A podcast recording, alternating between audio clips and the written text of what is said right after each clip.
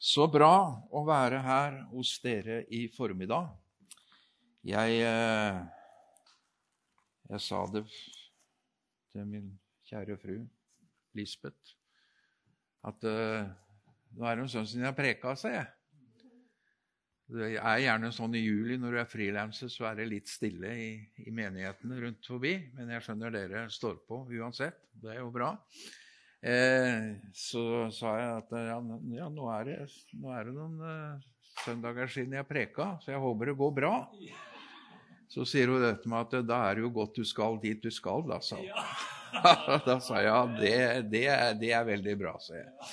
Og det, det, mener jeg virkelig, fordi at eh, dere er jo en av de menighetene hvor jeg gleder meg veldig det jeg skal komme, da. For jeg syns det er alltid så åpne, åpent og godt her. Og dere er så glad i Guds ord. Og det er jo det viktigste, at vi har ikke et møte for å ha et møte. Vi har jo ikke møte fordi at du skal ha en, gå ut med god samvittighet og tenke å, jeg var iallfall på møte på søndag. Men vi vil gjerne at uh, vi skal kjenne at Gud kommer, og Gud møter oss. Og Gud uh, taler til oss. Veldig bra. Gud velsigne dere. Gud velsigne denne menigheten som uh, står i det. og Jeg hørte et uh, veldig bra uttrykk på, på bluesfestivalen. Jeg var sånn liten tur innom for å se folk og høre litt musikk, da, men ikke så veldig mye er jeg der. Men det var en som sa noe veldig bra. Han, han sa for det at det, det, er jo så suksess på mange måter, sånn rent menneskelig. Og det var en som sa det sånn at uh, når du har nådd toppen, sa han, så går du bare én vei, og det er oppover. Og den syns jeg var bra, altså. Halleluja, tenkte jeg. Ja, det er sant. Og du vet at når dere som en menighet er liksom på toppen, da, så skal dere vite at det går bare én vei, da, det er oppover. Pris Gud. Eh, det, er da, det, er jo slik at eh, på den tida her hvor eh, vi har sommer og eh, sol Og eh, vi sikkert også får tid til å slappe av litt og ta det litt med ro. Det tror jeg også kan være bra og godt. Og så Jeg pleier å si at uh, jeg har jo vært pastor i mange år i ulike menigheter, og da er det liksom to sesonger. Vi kan si det sånn. Og det ene er jo når vi liksom starter på nyåret. Da har vi det som, det som Nå ligger et år foran oss. Og så kommer vi da til høsten, da vi liksom begynner opp igjen skoler og alt. og liksom Hele samfunnet setter på gir igjen, og så det, går det framover. Og så, så, så, er det jo sånn da at uh, da, da, er vi liksom inne i et nytt halvår igjen. Om vi kan si en ny sesong igjen. Uh, at vi liksom Nå setter vi alle krefter til, og nå skal vi ha en sterk og fin høst. Og Det ønsker jeg dere. Eh, og så liker jeg jo også i den menigheten hvor jeg står i, da, og som jeg har vært pastor i, i Betesta Heddal, så kommer det jo nå sånne innbydelser og litt sånn forskjellig eh, om høsten. Og da det, er det sånn at vi da ute i den måneden her skal ha noe vi heter eh, kickoff på norsk. Eh, og det, det, er jo at det, liksom, skal skyte litt eh, fart i folk.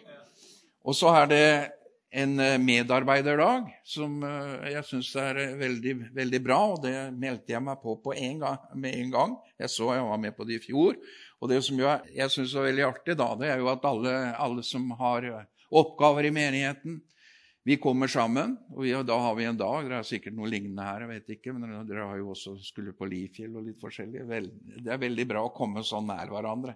Og sånn medarbeiderdag så, så kommer vi sånn veldig nær hverandre. Nå har ikke jeg noen sånn spesielle oppgaver i menigheten uten at jeg eh, kommer innom der, og så hender jeg preker der. og og så er jeg med pastor Frank Erlandsen på noe opplegg som pinsebevegelsen har. Sånn. Så litt er jeg med der. Men eh, på den medarbeiderdagen så, eh, så, er det så eh, herlig på den måten at jeg, jeg, var jo pastor i den menigheten i 14 år. Og nå er det noen år siden jeg slutta. Nå er det andre som leder der, og det er veldig bra. Og vi ser det bare øker på med folk. Og når jeg hadde den medarbeiderdagen i fjor, så, så var det faktisk sånn at det var så mange ikke jeg kjente. Og Da kan du tenke at ja, men da følte du deg utafor. Vel, du begynner å føle deg utafor nå. Jeg syns det er så bra. Ja, det er jo sånn vi vil ha det. Tenk å komme til menigheten, og så begynner du ikke å kjenne folk som er der. Så, så har det ikke noe med at du begynner å bli gammel, men det har, det har, det, det, det har noe med at det er fornyelse.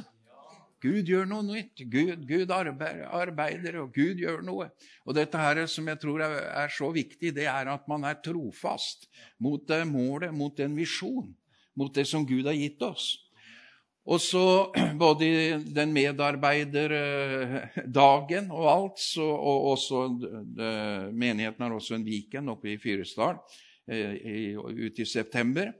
Og da var temaet det var utrustning. Det sto, Jeg fikk den med innbegynnelse til medarbeiderdagen. Så sto det 'tema utrustning'.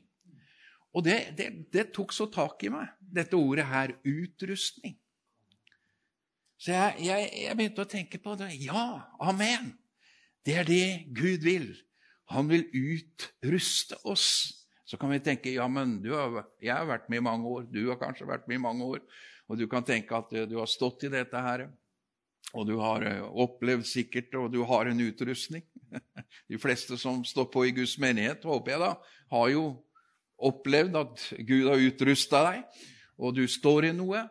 Men jeg tror for det at eh, det du som kanskje ikke opplever sånn spesielt og tenker så mye på at eh, Gud har utrustet deg, du trenger å se det igjen. Og Jeg tenkte sånn for min egen del òg at det var et veldig interessant tema. Gud vil utruste sin menighet i denne tiden. Og Det er det jeg skal dele litt med deg her i formiddag. Og jeg, det er min bønn at det skal være til oppmuntring. Jeg kjenner at jeg vil, jeg vil oppmuntre deg her i formiddag. Jeg vil liksom ikke dra deg ned altså, og tenke på alt vi skulle ha gjort, og, og, og, masse sånne ting. Men jeg vil at du skal tenke litt over det vi skal dele sammen. Så vi skal slå opp i Bibelen, Efeserbrevet, kapittel 4. For der, der kommer nemlig ordet utrustning. Eh, og vi skal lese der da ifra vers 7. I Jesu navn. Til hver og en av oss blir nåden gitt etter det målet i Kristi gave gis etter. Derfor sier han, da han for opp, tok han fangenskapet til fange og ga gaver til menneskene.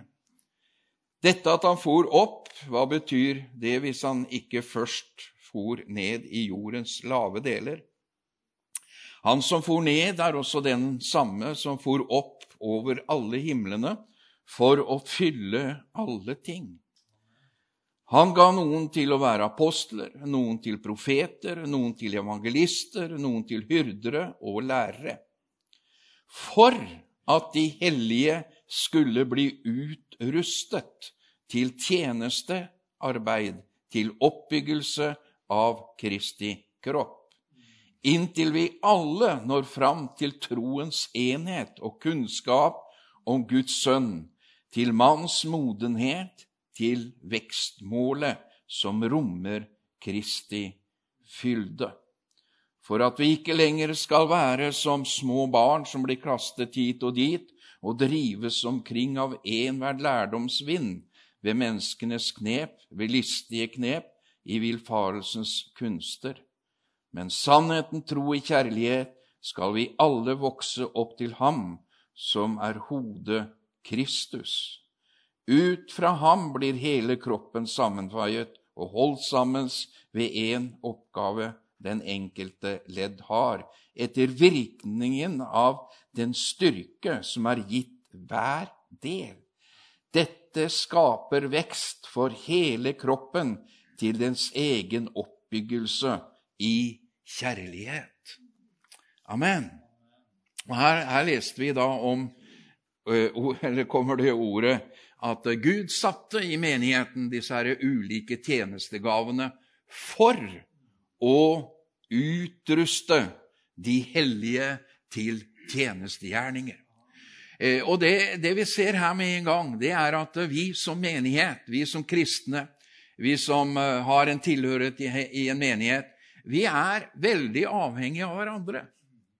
Amen. Akkurat som kroppen din er avhengig av at alt fungerer. Cellene fungerer, du er vital, du går, du, du gjør masse forskjellige ting med kroppen din. Du er, tenker ikke over det, men du er veldig avhengig av at det, det fungerer. Og faktisk så er det jo sånn at du, du opplever ikke hvor avhengig du er, før plutselig en ting kommer ut av funksjon. Da plutselig så tenkte du Oi, det der har jeg nesten ikke tenkt over engang at det er så viktig, akkurat den delen der. Det kan bare være at du slår deg litt på tommelen, eller litt, du får ikke liksom brukt den. Tenker, ja, men Er jeg så avhengig av den tommelen, tenker du? Ja, men du er det. Så, så vi er avhengig av hverandre, og derfor så skriver Paulus her at menigheten, det er et legeme. Og så er det så godt at det står at det er Kristi legeme. Ja, men det er Kristi legeme. Og Eh, så, så Herren, han eh, ut, vil utruste, og han utruster sin menighet.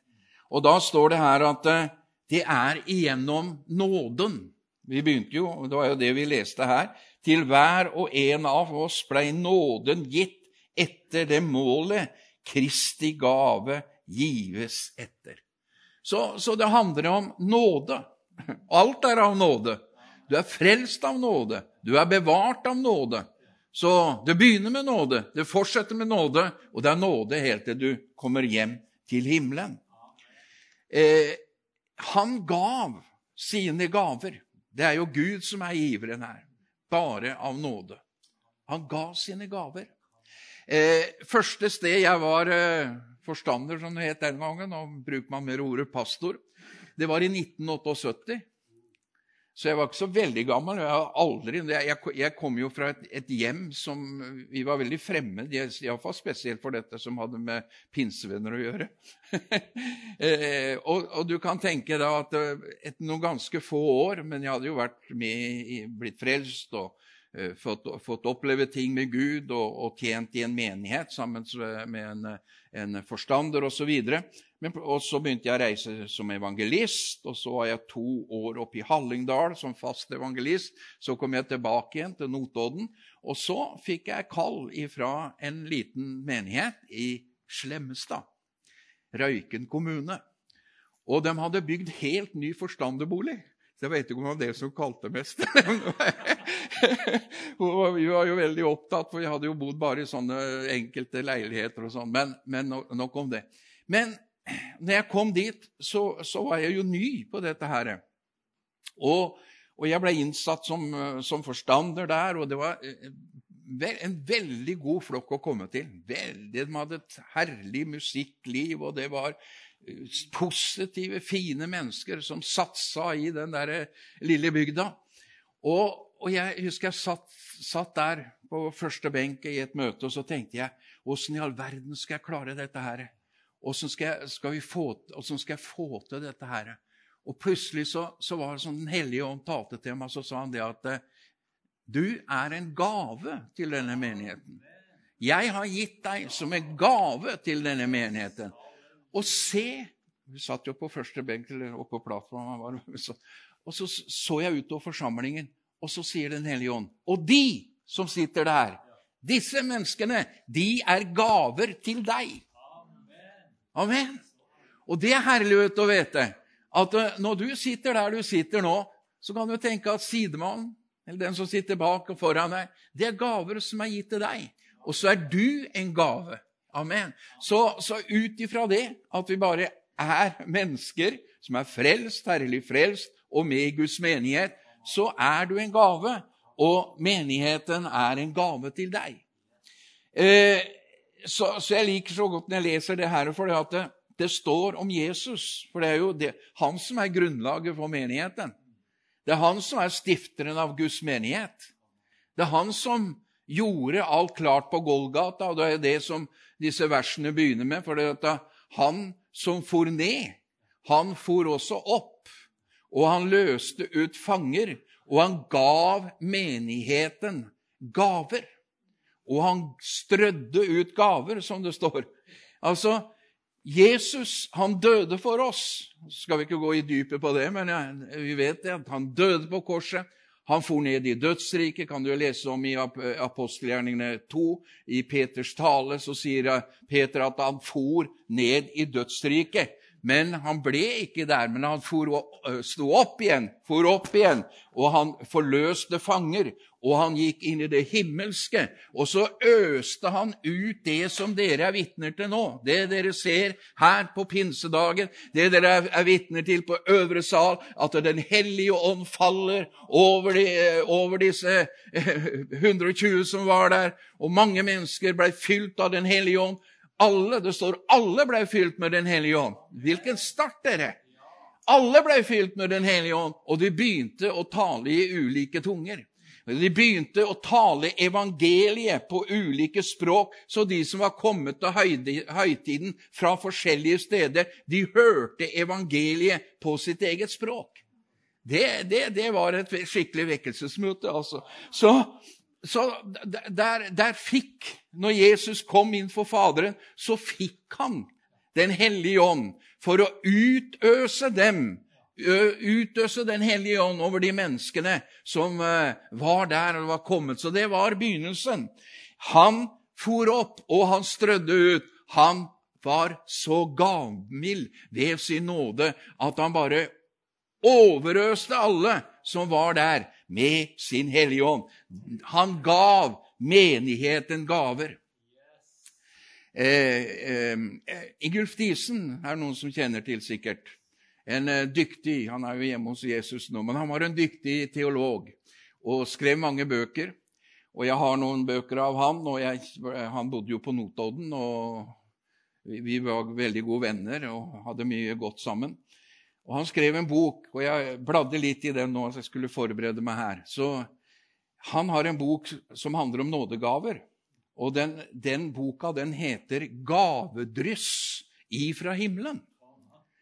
Og I forordet, forordet der, eller en som skriver da, om Disen og det, så skriver han det er vel ikke en tittel som kunne passe bedre på han, eller dette her å skrive et, om et gavedryss ifra himmelen.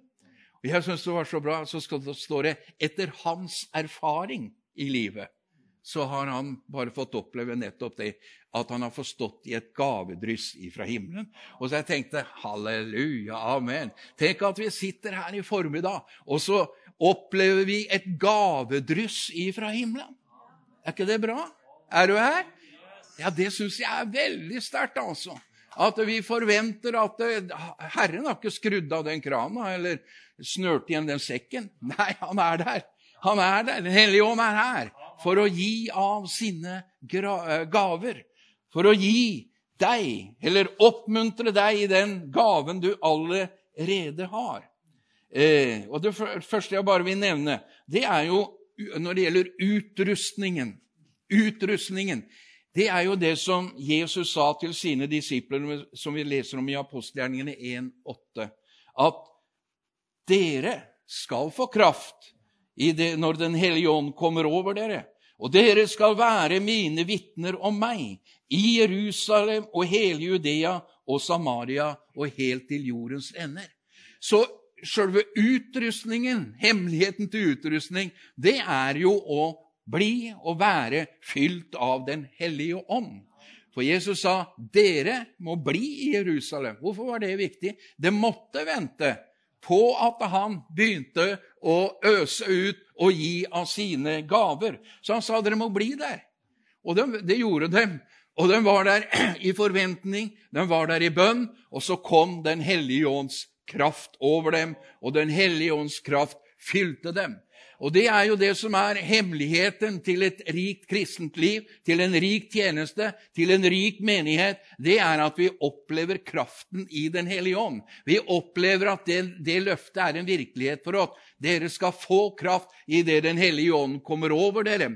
For når Gud kaller oss til oppgaver og til tjeneste, så ser jo ikke Gud først og fremst på, eh, på sine naturevner og sånn. Det, det har vi jo, og det kommer godt med. Men Den hellige ånd leter etter hjerter som er åpne for, som profeten Isaiah sier, 'Herre, her er jeg, send meg'. Det er det, det er det Den hellige ånd leter etter. Det er det Den hellige ånd ser etter. Er det noen som vil ha kraften? Og vi får jo ikke kraften fordi at vi er så dyktige og flinke og, og, og tenker at ja, den, det fortjener jeg. Nei, vi får kraften fordi at Guds nåde er nok, som det står i Korinte, 2. Korinterbrev, som, som eh, Paulus skriver, som han fikk høre da han tenkte at det er, det er for mye kamp i livet. Han sloss jo skikkelig med djevelen og sa at 'Gud, ta dette her bort fra meg, så skal det bli greie på det'. Men så sier Gud at 'Hør her, Paulus, min nåde, den er deg nok, for min kraft, den fullendes i din skrøpelighet'. Halleluja. Amen. For du skjønner at salige er de fattige i ånden, for himmelens rike er deres. Så det er når du er hungrig, og du kan, må gjerne innrømme det innenfor Gud og si at 'Herre, jeg, jeg, får ikke til'. Og det er ikke farlig å tenke da at eh, da må jeg be Gud å møte meg og fylle meg. Og det gjør Gud. Så kraften, den er der. Kraften er her. Kraften er tilgjengelig. For når Gud kaller oss til tjeneste og til oppgave, så gir han også kraft til å stå i den oppgaven. Amen. Eh, I, eh, I, Lukas 4,18 så står det jo om Jesus da han sto fram i tempelet, og han leser da fra Jesajas, profeten Jesajas, som vi kjenner til, så sier han at Herrens ånd er over meg, for han har salvet meg til. Og så kommer det hva han er salvet til. Halleluja. Og du skjønner det at da Gud kalt deg til noe, så salver han deg til den oppgaven. Prise Gud. Så eh, i Guds menighet så er det gaver. Det er ulike gaver. Det er tjenestegaver, som vi eh, leste her. Og det er ulike nådegaver. Og det er også naturgaver, altså det du har i din natur som et menneske, som du alltid har hatt der hele livet. Og du, Så tenker du kanskje jeg har en veldig nådegave der, men det er ikke det samme som når vi tenker på nådegavene som Paulus taler om i 1. Korinterbrev 12. Men gavene, som jeg bare skal ikke, Vi klarer jo ikke å gå inn i alt dette her, men jeg bare tar med det at derfor, derfor Gud har satt oss sammen i en menighet. For at vi skal betjene hverandre med de gavene som Gud har gitt oss. Og Da nevner Paulus her hva han satte i menigheten for å forløse gaver som, som folk, altså for å utruste folk som eh, er i forsamlingen, er i kirka. Så da, da, da står det her at uh, han satte i menigheten apostler, profeter, evangelister, hyrder, lærere osv. Han satte altså Vi regner og sier gjerne at disse er de fem embetene. Apostel, profeter, evangelister, hyrder, lærere. ikke sant? Og disse er tjenestegaver. Det er ikke sånn at de er spesielt utvalgt til å gå rundt og nesten å bli eh, opphaia og tilbedt og tenkt at fantastiske mennesker det der må være. For det er ikke, vet du, for det vet jeg sjøl, for jeg har jo vært en av dem. Nei, men du vet det at vi er alle så avhengige av Gud. Og Gud satte i menigheten disse her ulike embetene og tjenestene. Han satte noen til apostler. Og Når det gjelder apostler, så er ikke det slik at eh, om du har gjort noe i Guds rike, så blir du plutselig en, slags apostel. For jeg tror i utgangspunktet, hvis du går inn i grunnteksten, hvis du studerer Bibelen nøye på det området her, så, så vil du se det at det, det først og fremst handler om de første apostlene, de som var vitne til Jesu oppstandelse, og til dem som gikk ut og forkynte evangeliet og planta menigheter og hadde en apostolisk tjeneste. Og eh, i Guds forsamling så er vi avhengig av mennesker som reiser på misjonsmarken og planter menigheter osv. Og, så og, og, og gjør et verk der. Og de må gjerne ta på seg et, eh, et, en tittel som apostel, men jeg, jeg, jeg, jeg, tror jeg ikke hadde tort å gjøre det. Men, men det, er helt greit. Men vi må, vi må, ha det liksom i grunnen at det er de første apostlene. Det er det menig, Guds menighet er bygget opp på. Det er jo apostlenes grunnvoller, som vi leser om. Så, det, så de la på en måte grunnstenen, grunnfjellet. Det var apostelen, aposteltjenesten. Og så er det profeter. Profeter. Det er også en tjeneste. Det er en gave. Du kan ha oppleve profetisk gave, som, som uh, Paulus taler om i, i 1. Korinterbrev 12, 12, at uh, der står om de ni nådegavene, så står det bl.a. om den profetiske gave. Men du har noen som også du kan si, Om de ikke titulerer seg som det, så har de en profetisk tjeneste. Du kan gjerne ha en profetisk tjeneste, og du kan også ha en lærertjeneste, og du kan også ha en hyrdetjeneste. Så skal ikke jeg begynne å nevne folk som, som kanskje øh, opplever det sånn. Men, øh, og du kan kjenne at noen ganger så kan det slå til i ditt eget liv på en måte som gjør at du kjenner at nå berører jeg ved det profetiske. Og så har du evangelisten. Evangelister er jo de som virkelig når ut til de ikke-kristne, ufrelste mennesker, og som også har en tjeneste i menigheten til å fornye og styrke menigheten. Og så har du hyrdene, da, eller pastorer, som vi også gjerne sier, som også er viktige i Guds menighet. Det, det, vet vi alle, for uten hyrder så spres jo fårene. Eh, så har du læreren, som jo er det også viktig med, med undervisningen. Også når disse embetene er på plass, eller er der, så er de der for å utruste de andre. Amen? Så, så, de er satt i menigheten. Så de som lever og har sånne tjenester ja, vi, har, vi, som har vært med noen år, vi husker jo at det, det har gått litt sånn i bølger i Guds forsamling, både med apostler og profeter. Jeg husker veldig godt jeg kom til en Jeg og så en annen, vi, vi ble sendt ut Ikke sendt ut, da, men vi dro til eh, en menighet i, eh, i London som jobba blant, De var misjonærer, og de jobba blant indier. Det er masse, masse indiske i, i, en del av London. Og eh, De hadde egen menighet osv. Jeg husker veldig godt på eh, postkassa hans så sto det 'profet'. Så, så, han var veldig opptatt av det, at han hadde en profetisk tjeneste. Og det står ikke på postkassa mi, altså. Men, men, eh, men, du skjønner at det, vi kan være litt sånn opptatt av titler og sånn, men har du en profetisk tjeneste, så bør ikke det stå på ryggen din. vet du. Det, merker, det merkes, det kjennes, og det oppleves. Og da vil jeg si det grunnleggende for Noe av det grunnleggende for at du kan bli utrustet, eller bli bevart utrustet, og leve og bli fornyet i utrustning, det er at du er i en menighet. Det, det har jeg tro for. Det er ikke gærent å ha grupper utenfor, og sånn, det er ikke det jeg sier. Men du trenger et sted hvor det er apostel, er profettjeneste, er hyrdetjeneste, er lærertjeneste. Det trenger du. Hvorfor trenger du det? Jo, du trenger det for å bli utrustet. Amen.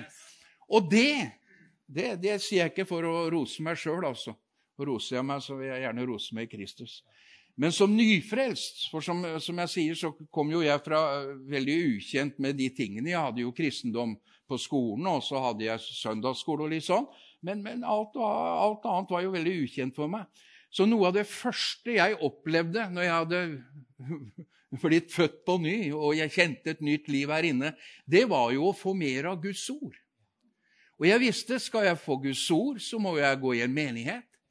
Og så etter hvert så opplevde jeg en dåp i Den hellige ånd, en fylde av Den hellige ånd, som ble, gjorde meg veldig sterk innvendig og frimodig. Og jeg kjente det var jo et helt Det var liksom som det gira opp. Jeg var på toppen, men nå gikk jeg enda oppover, altså. Amen. Og det har ikke slutta heller. vet du.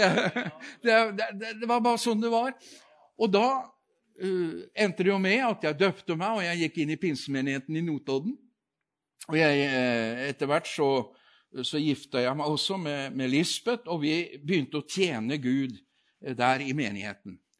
Og du vet, Det er jo sånn i en menighet at i en menighet der er vi alltid enige, alle sammen, hele tida. Er vi ikke det? Åhåhå! Ja, da, den menigheten tror ikke jeg ville vært i, men var en som sa at her i menigheten så er det meg, bare meg og broren min det er noe greie på. Så. Nå kommer søk, så er det, noe, er det ikke noe greie på han heller. Så, Så det, det, det, er jo sånn det er noen ganger, da. Og jeg, jeg var Vi, vi brant så for Jesus, altså. Det, det, det, var jo en sånn ild. Vi, vi, hadde, vi hadde Jeg jobba jo på Tinnfoss jernverk, på bilverkstedet der. Og vi, jeg hadde fått leid eh, en sånn lite hus. altså Det er, det er et sånt område i Notodden som blir kalt for Hyttebyen. Og der leide vi hus. Og det var ikke så veldig, veldig god plass der. Men vi, begynte, vi ble spurt om kan dere overta juniormusikken. Og jeg kunne jo en del og litt sånn, da. Og Lisbeth kunne litt. Så ja, jo, vi gikk inn i det som var vi oppgaver. Og vi gjorde jo det. Og der og vi fylte huset vårt med disse ungdommene, og vi ba. Og der falt Guds ånd over disse her. Og de blei frelst, og de blei døpt. Og, og ei som vitna her, eh, eh, som jeg traff, og som, eh, som, fortalte meg det, hun sa det at jeg var jo på det der møtet, sa og jeg bestemte meg at dette vil ikke jeg. Dette vil ikke jeg være med på, sa Og jeg gikk ut av det huset, for jeg sa det at det er dere som ikke vil være igjen og be og sånn, dere kan få lov bare gå. Og jeg gikk, sa hun. Og jeg, og hadde gått ganske godt stykke før hun kjente at jeg må tilbake igjen. Den hellige ånd var som Den hellige ånd var på Jeg må tilbake igjen. og jeg dro tilbake og jeg kom inn, sa hun. Og Guds ånd møtte meg, og jeg ble fylt, frelst, sa hun. Og jeg ble fylt med Den hellige ånd. Det var sånn. Og jeg tenkte det er jo sånn det skal være. Det er jo sånn det skal være. Det, det, det, det bare sa pang, liksom. Og hun er jo herlig evangelist sammen med, med mannen sin. Eh, han Bakken han kjører, har en sånn Jesusbuss, og han er på countryfestival med denne bussen. Han er på Treungfestivalen. Han er rundt omkring, og den brenner så for Jesus. Er det ikke herlig? Ho-ho! Miriam, eh, dattera inn, Innvær, som eh, også var der på det møtet, som ble herlig møte av Gud og døpt i Den hellige ånd, opplevde jo seinere da å bli misjonær og, og reiste ut uh, på, på misjonsmarken og er i dag pastorer i, med mannen sin i Grimstad. Det, det, det, er liksom Når Gud kommer og gjør noe, så, så er det ikke bare at det skjer. Nå ble du frelst, og nå skal du få lov til å sitte på en stol resten av livet, og, eller kanskje til nåde være med litt i musikken eller et eller annet. Jeg skjønner Gud tar tak i det. Amen. Gud, Gud reiser deg opp. Gud salver deg. Gud vil bruke deg.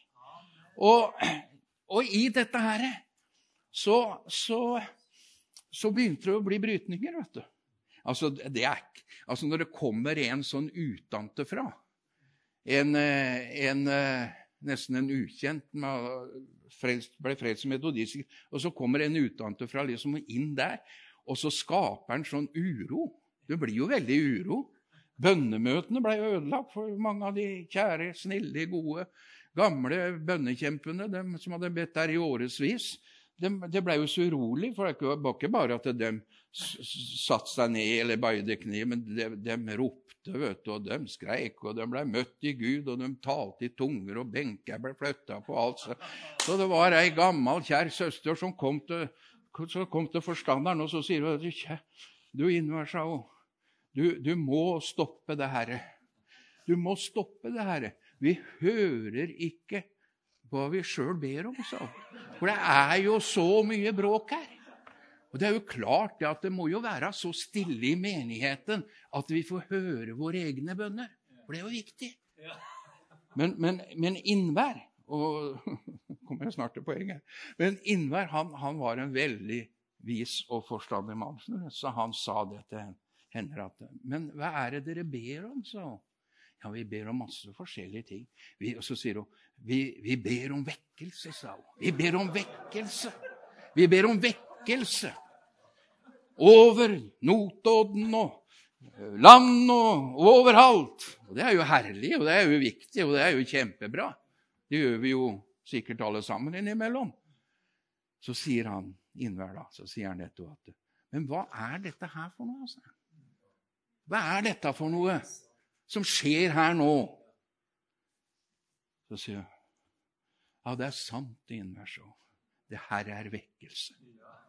Sterkeste vekkelser som vi kan ha, det er blant tenåringer og våre barn når de kommer til Jesus og vil følge ham. Det er herlig når mennesker blir, blir, blir, blir frelst i narkoman og fylliker og masse sånne ting, og forbryter, og til verre det er, til bedre er det. Men, men jeg, jeg, har sagt jeg, jeg, ja, men det er, er, ikke sånn det er, da. Ja, nå er jeg utafor manuskriptet her, altså. Men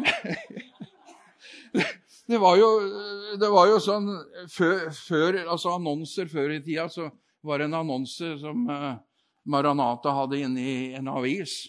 og Der sto det om en som skulle vitne. Og han hadde jo vært både tjuv og forbryter og masse forskjellige ting. Og til helt, helt så, på slutten så sto det og han har også vært hestehandler.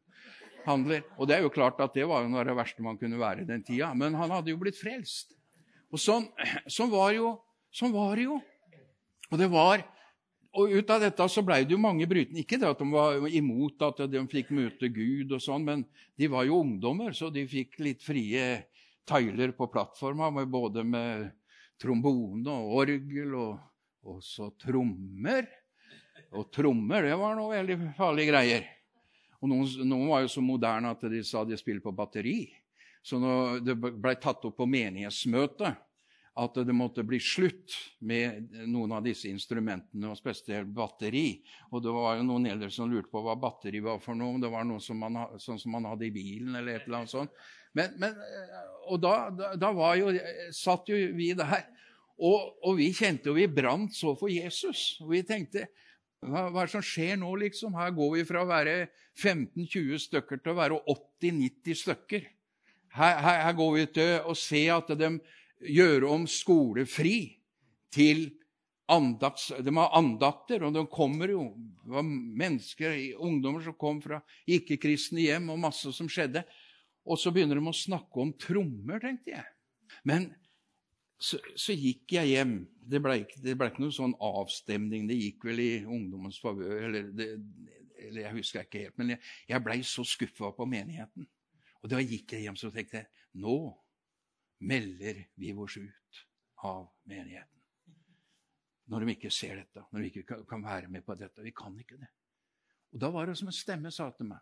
Det kan hende noen ganger at det kan være så ille i en menighet at du hører så utafor at du må gå ut og finne en ny menighet. Det er ikke det det handler om. Men jeg kjente sånn personlig da at eh, Den hellige ånd sa til meg hvis du går ut av menigheten og ikke kan stå i dette herre, så kan ikke jeg bruke deg framover. Så jeg, jeg, jeg sa til Jesus jeg blir, jeg står på, jeg, jeg er der. Derfor er menigheten så viktig. Derfor er tjenestegavene så viktige. Kanskje vi ikke tenker så mye over det, men det er viktig at vi får være i en menighet hvor det er en eh, apostelfunksjon, det er en profetfunksjon, det er en hyrdefunksjon, og det er funks funksjoner deler som fungerer for å kunne utruste deg. Det, det, det, viste Gud meg veldig tidlig.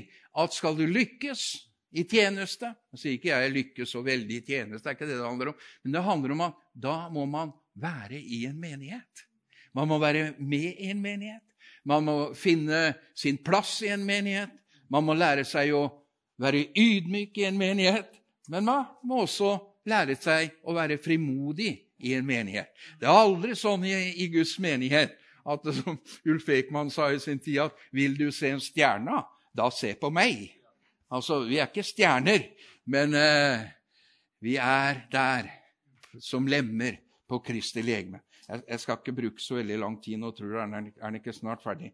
Men jeg, skal, jeg må ta med at utrustningen handler om at du blir utrustet og er kanskje også en av dem som vet at du har et av de embetene. Og da må du vite at det er, et, det er et, ansvar. Og når vi eh, la hendene på vår søster her, så, så var det en sånn handling. For det står vet du, i, i Antiokia der var det profeter og lærere, står det. Og les det. Det var profeter og lærere. Jeg tror ikke det står der bare for å pynte på, pynte på det.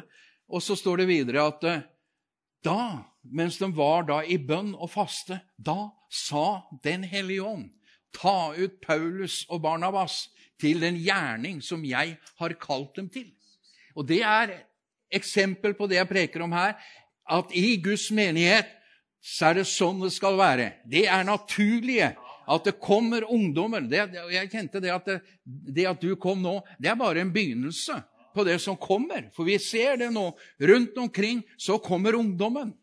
Amen. De kommer for å tjene Herren. For å bli sendt ut i kraft. Og da må vi ha menigheter hvor vi opplever at der var det profeter, og der var det lærere. For når det står at eh, Den hellige ånd sa, så måtte jo Den hellige ånd sagt det. Det tror ikke var en stemme som kom ut av lufta. Men det var kanskje ut av en lære, ut av en profet, ut av en røst som sa 'Nå er tiden inne! Ta ut Paulus! Ta ut Barnabas!' Til den gjerning som jeg har kalt dem til. Og de la hendene på dem og de sendte dem ut. Og vi vet at de tjente Gud på en herlig og sterk måte. Det er en menighet som fungerer, som utruster. De er tjenestegavene i funksjon. Så har vi eh, de gavene i Den hellige ånd som Gud gir oss, som vi gjerne kaller for nådegavene, som vi leser om bl.a. i i 1. Korinterbrev 12. Eh, eh, og du, når du leser fra 12 og utover, så, så, leser du både om de gavene som er, er gitt til menigheten, eh, som er gitt oss, og så kan du lese om bruken av det. Så kan du lese om kjærligheten, for det er viktig at gavene fungerer i kjærlighet. Det er viktig at du, du, du ser de tingene her, og du også får oppleve det. Så Jeg skal bare prøve å avrunde snart nå med å si det på denne måten at eh, når Gud utruster oss, så har det med det at han kaller deg, at han, du får bekreftelse på det, akkurat som Paulus og Barnabas tenkte det. For Paulus kunne jo sagt at 'jeg er jo allerede en stor apostel, jeg er jo allerede godt i gang'. Men Paulus han venta på et momentum, som man gjerne sier, som kunne gjøre at nå kunne han bli sendt ut ifra menigheten. Nå hadde de lagt hendene på ham. Nå var han liksom en autoritet over de, de tingene der. Det er ikke bare sånn at nå, nå skal du ut på, på, tur, og nå skal du gjøre sånn og sånn. Men det lå en autoritet i dette her. Og det ligger en autoritet i det å legge hendene. Det, kan du lese om i Bibelen, egen bibeltime. Men det gjør faktisk det. Og når de hadde fått eh, oppleve det, så, så drar de jo ut. Og da da, da kommer vi jo inn på dette her med nådegavene. Nå, vi regner gjerne ni nådegaver. Og så har vi andre forskjellige gaver, som også er på en måte åndens gaver. Du kan lese om i, i Romerbrevet 12 osv. Og, eh, om både gaver i barmhjertighet og gaver til å, å være forstander eller pastor, og, eller ha den tjenesten, som er jo også en nådegave i seg sjøl. Sånn sett. Men når vi leser i, i 1. Korinbrev 12, så står det at det er Ånden, og det, det er like veldig godt, det. Ånden, åpenbarelse, blir gitt til det som er gammelig. Altså, det er Åndens åpenbarelse. Det, det, det, er ikke sånn at det er noe som Gud hjelper meg, at jeg kan lese meg til, eller du kan liksom få til, og, og sånn. Men det er en åpenbarelse. Amen. Og det er det som Jo, jeg vil understreke at ut, når Gud vil utruste oss, så vil han utruste oss med tjenestegaver, men han vil også utruste oss med ånd, åndelige gaver, åndelige nådegaver. Eh, så når jeg ble fylt på døpt med Den hellige ånd, så første jeg gjorde, var å lese en bok av Arild Edvardsen som het 'Åndens dåp og åndens gaver'. Det var ikke så mye bøker på den tida, men jeg, jeg husker jeg leste den, og jeg blei jo så begeistra for dette her. Og, og syntes jo det var så utrolig sterkt, for det var ikke bare at jeg hadde opplevd å bli fylt av Den hellige ånd, men jeg kunne også oppleve at jeg kunne komme inn i nådegavene. Og det var veldig spennende. vet du. Det er så spennende, og det er i grunnen så sterkt at det, dette, dette, har jeg lyst til å bare sånn oppmuntre dere til. For jeg, jeg blir så oppmuntra sjøl når jeg hører vitnesbyrd om folk som ikke, ikke, de har opplevd å bli brukt gjennom nådegavene, men de har også blitt løst og satt fri og opplevd Gud gjennom at noen har brukt sine nådegaver. Eh, så jeg, jeg, skal ikke gå gjennom alle disse nådegavene nå. Det må bli en annen gang at vi berører det. Men jeg har lyst til å nevne et par ting. Det ene er eh, kunnskaps, kunnskap ved Den hellige ånd. altså. Kunnskapens nådegave. Det står om visdom og kunnskapens nådegave, ikke sant? og de går jo veldig i hverandre. Og det er jo at og, og, og, og, det profetiske. og så Mange ganger hvis man får man en, en hilsen eller hører en hilsen, så kan tenke at det var en profetisk tale. Men det kan også være en kunnskap. For en kunnskap er at eh, du, du får kanskje en eh, Ikke en melding, da, men du, men du får kanskje et, et, ord, eller du får noen som sier noe til deg, som kanskje avslører noe i livet ditt. Eller oppmuntrer deg, som du, du nesten bare du sjøl visste om. Eller tenkte på. Jeg har lyst til å ta fram som et eksempel ei herlig søster som jeg hadde i menigheten i Betesta Hedal. Hun er hjemme hos Jesus nå. Jeg er så sikker på at hun er hjemme hos Jesus at hadde hun vært der nå, så hadde hun sagt halleluja. Det er så herlig. For sånn var hun. Hun var sånn ordentlig til å juble. Når jeg var på besøk til henne, så gikk jeg så oppmuntra ut igjen. Det var ikke jeg som kom der og kunne oppmuntre, men hun, hun var fantastisk. Og når hun var på, kommet på gamlehjemmet på Haugmotun, og hun satt der litt framme, så, så, vi sang, vet du. Var hun, hun var på møte, hun. Halleluja, amen, sa hun. Disse her andre gamle Hysj da, liksom. Men henne Jeg spurte henne, eller jeg snakka med henne en gang, så Åssen ble du frelst? Jo, sa han, nå skal du høre her. Jeg, jeg, hun, var, hun, var, helt utafor. Hun hadde ikke gått i noen menighet eller begynt å godt kjenne, kjenne, til, men hun kjente litt i Bibelen og sånn.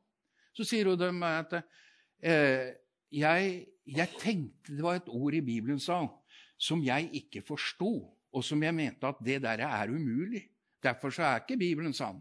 Det, øh, å, så jeg, hva var det for et ord? Jo, det er at kvinnens sæd skal knuse slangens hode, sa han. Og det går jo ikke an. Det er jo umulig. Ja, men Du kan tenke deg at det, av alle skriftsteder så hadde hun liksom Der hang hun fast, altså.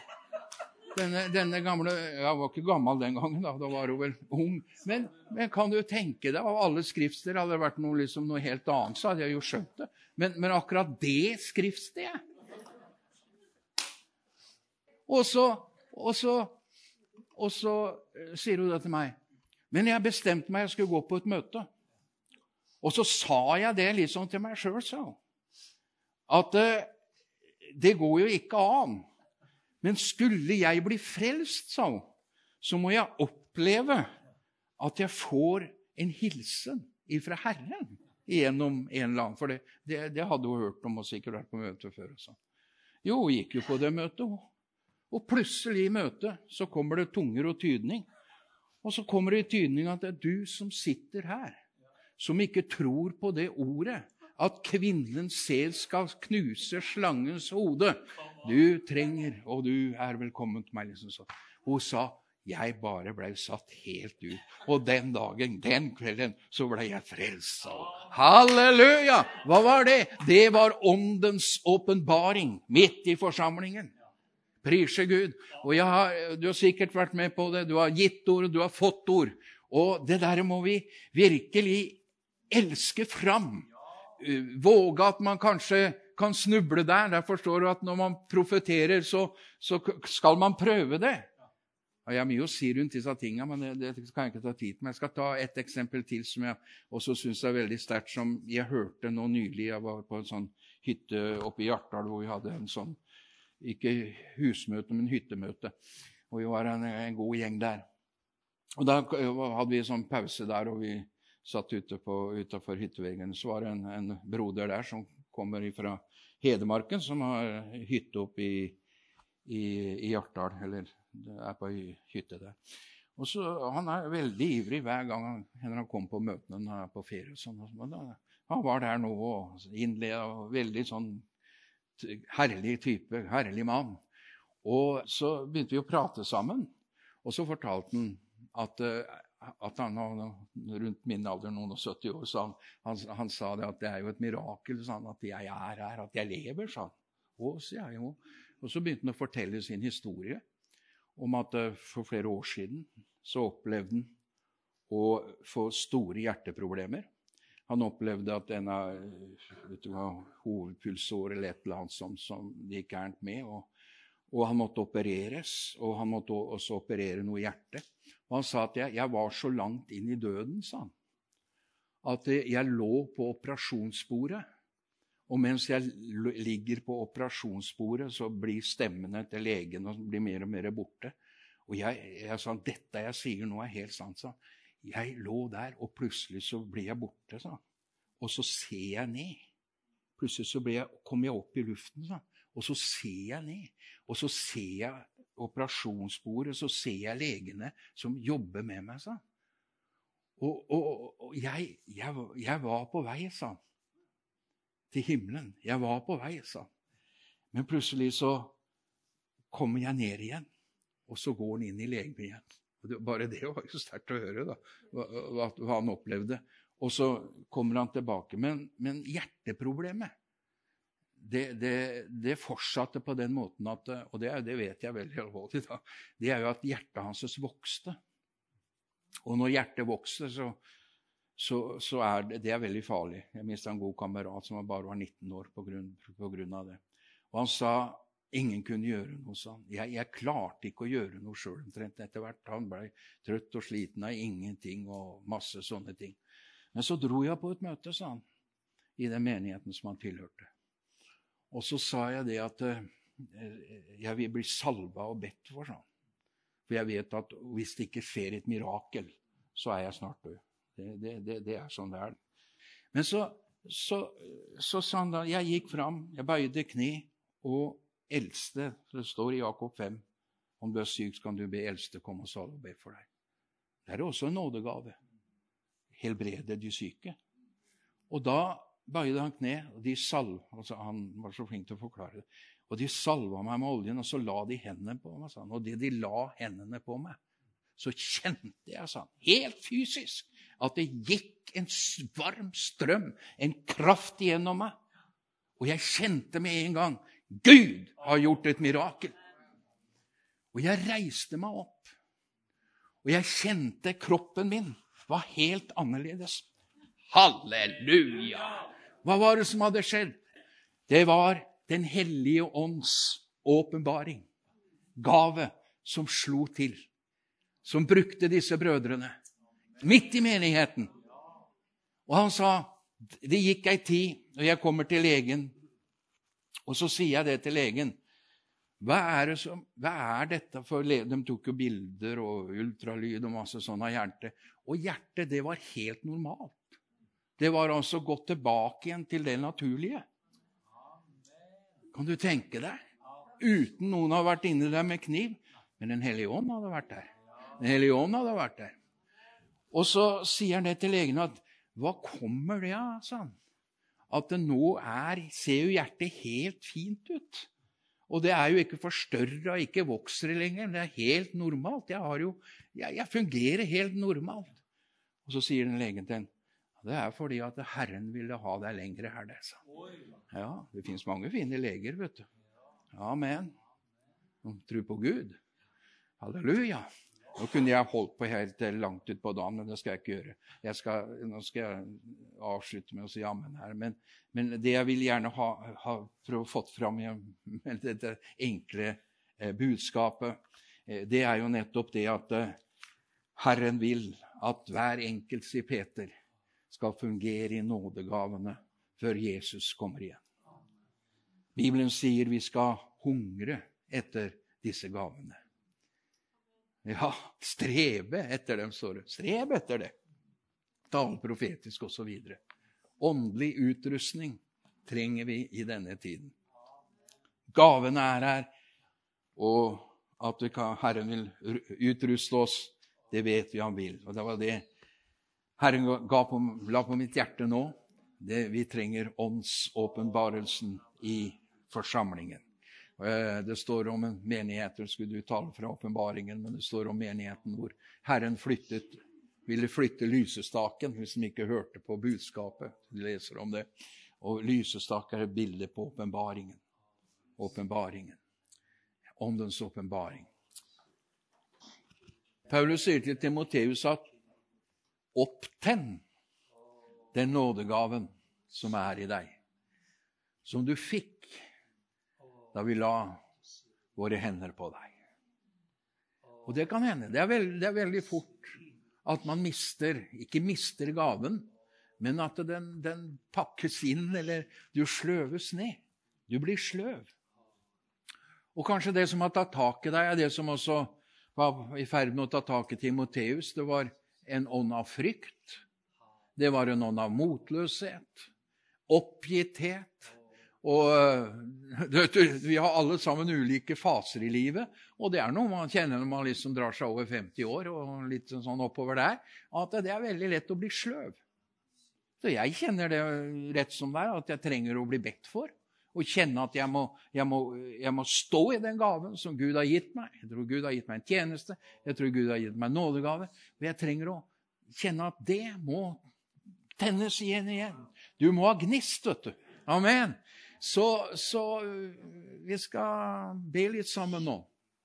Og Hvis du er her i, i vet og kjenner at Herre, det var, dette var et ord til meg. Hvis du kjenner at 'Å, Herre, jeg trenger å fornye meg i min utrustning'. Jeg kjenner å virkelig komme inn i de gavene som du har gitt meg, eller som du vil gi meg. Jeg vet du har noe for meg, Herre. Så kan du rekke en hånd i været. Tenn opp igjen det Gud har gitt deg. Amen. Det er mange hender, mange hender her i været. Halleluja. Priser deg. Og Herren vet akkurat hva du trenger til. Og det er jo fantastisk, da, at det er så mange som kjenner at vi vil ha det. Vi vil oppleve det. Vi vil fornyes i det. Så, så jeg, Vi kjenner jo hverandre her, og vi kan være frimodige. Kan ikke du legge hendene på sidemannen, uansett om hun rakk opp handa eller ikke, eller den gjorde det? Så, så ber vi litt for og med hverandre. Så, så, stå litt og be, og kanskje du har en hilsen til den du ber for. Og, så bare vær frimodig. Halleluja. Så lar vi Den hellige ånd virke. Jesus, halleluja. Jesus, jeg priser deg. Vi priser deg, Herre. Og vi priser deg for tjenestegaver i din menighet. Vi priser deg, Herre, for alle de som vil være bærere av nådegavene dine, Herre av Åndens gaver, Herre, som sier ja til det, Herre. Vi ber at det ikke skal bli borte ifra våre liv og i våre menigheter, Herre. Men vi bare priser deg, Jesus, at du skal la det øke på, at det skal skje, Herre. Skje. Takk at det skal skje blant unge, manndom, alderdom, Herre. Så møter du oss. Du sitter ingen utenfor, Herre. Min nåde er rik nok for den enkelte. Halleluja. Halleluja. Halleluja, halleluja. Å, jeg ber for dem som har stoppet opp. Det er kanskje lenge siden de har talt i tunger. Det er lenge siden de har tydning. Det er lenge siden det har vært en profeti. Det er lenge siden de har lagt noen hendene sine på de syke. Det er lenge siden de har opplevd visdom og kunnskapsord ved din ånd, Herre. Å, Herre, du skal møte oss, du skal tilgi oss, du skal Fylle oss på nytt igjen, Herre, så vi kjenner vårt beger flyter over, og vi kan stå i denne strømmen som handler om å stå i din kraft og stå i dine gaver, Herre. Derfor så ber jeg for den enkelte, både dem som rakk opp hånden, og jeg sier i ditt navn, tenn opp igjen, tenn opp igjen, tenn opp igjen, tenn opp igjen den gaven som Herren har lagt ned i deg som du fikk ved håndspåleggelse. Herren tenner deg på nytt igjen, her og nå. Halleluja, halleluja. Å, du gjør et verk i den enkelte, Herre. Takk at den enkelte er dyrekjøpt med ditt eget dyrebare blod, Herre. Takk at din nåde den rekker inn i all evighet, Herre. Takk at det er nåde nok for meg. Og jeg priser deg, Jesus, for at det vi opplever her og nå, og det vi ser i din menighet i disse dager, det er bare en begynnelse på hva du kommer til å gjøre før du kommer igjen, Herre. Jeg priser deg for det, Jesus. Halleluja! Halleluja! Takk når verden roper i denne fortvilelsen som det bare blir mer og mer av så skal det være lys som blir tent rundt omkring, Herre, hvor din ånd skal komme og møte ditt folk. Og vi ber, Herre, for det stedet du har satt oss. Vi ber for landet vårt, Herre.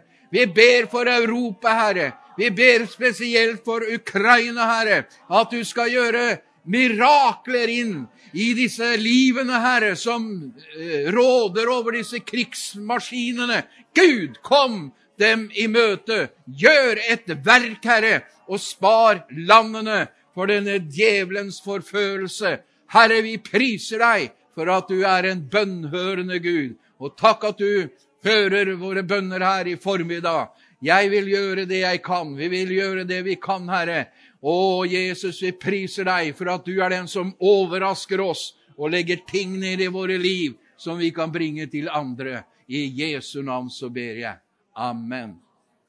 Amen. Halleluja. Halleluja. Lovet være Jesus. Mm. Det som jo er godt å bare si det, at det er jo ikke sånn at det, det er bare i menigheten gavene dine kan fungere. Den kan også fungere i hverdagen. Den kan fungere til naboen eller hvem det er. Men, men eh, vær sikker. Hvis det er veldig spesielle ting, så må du være for, forsiktig. For det har vært, det har vært mye rart òg. Derfor er det jo sånn at mange tror at det er farlig med alt, nesten. Og det, det, der skal vi ikke være. Men vi skal være åpne for Gud, og Han vil gi oss hjelp. Ja. Og så har du fått et ord. Har du fått en profeti, og, og du kjente at 'dette er deg, Herre', så stå på den profetien når kampene kommer. Og er da jeg kjent mange ganger at uansett, uansett, Herre, så har du sagt det. Du har sagt det. For du kan minne Herren på ting. Ikke, ikke det at Gud har glemt det, men du kan minne på det. Amen.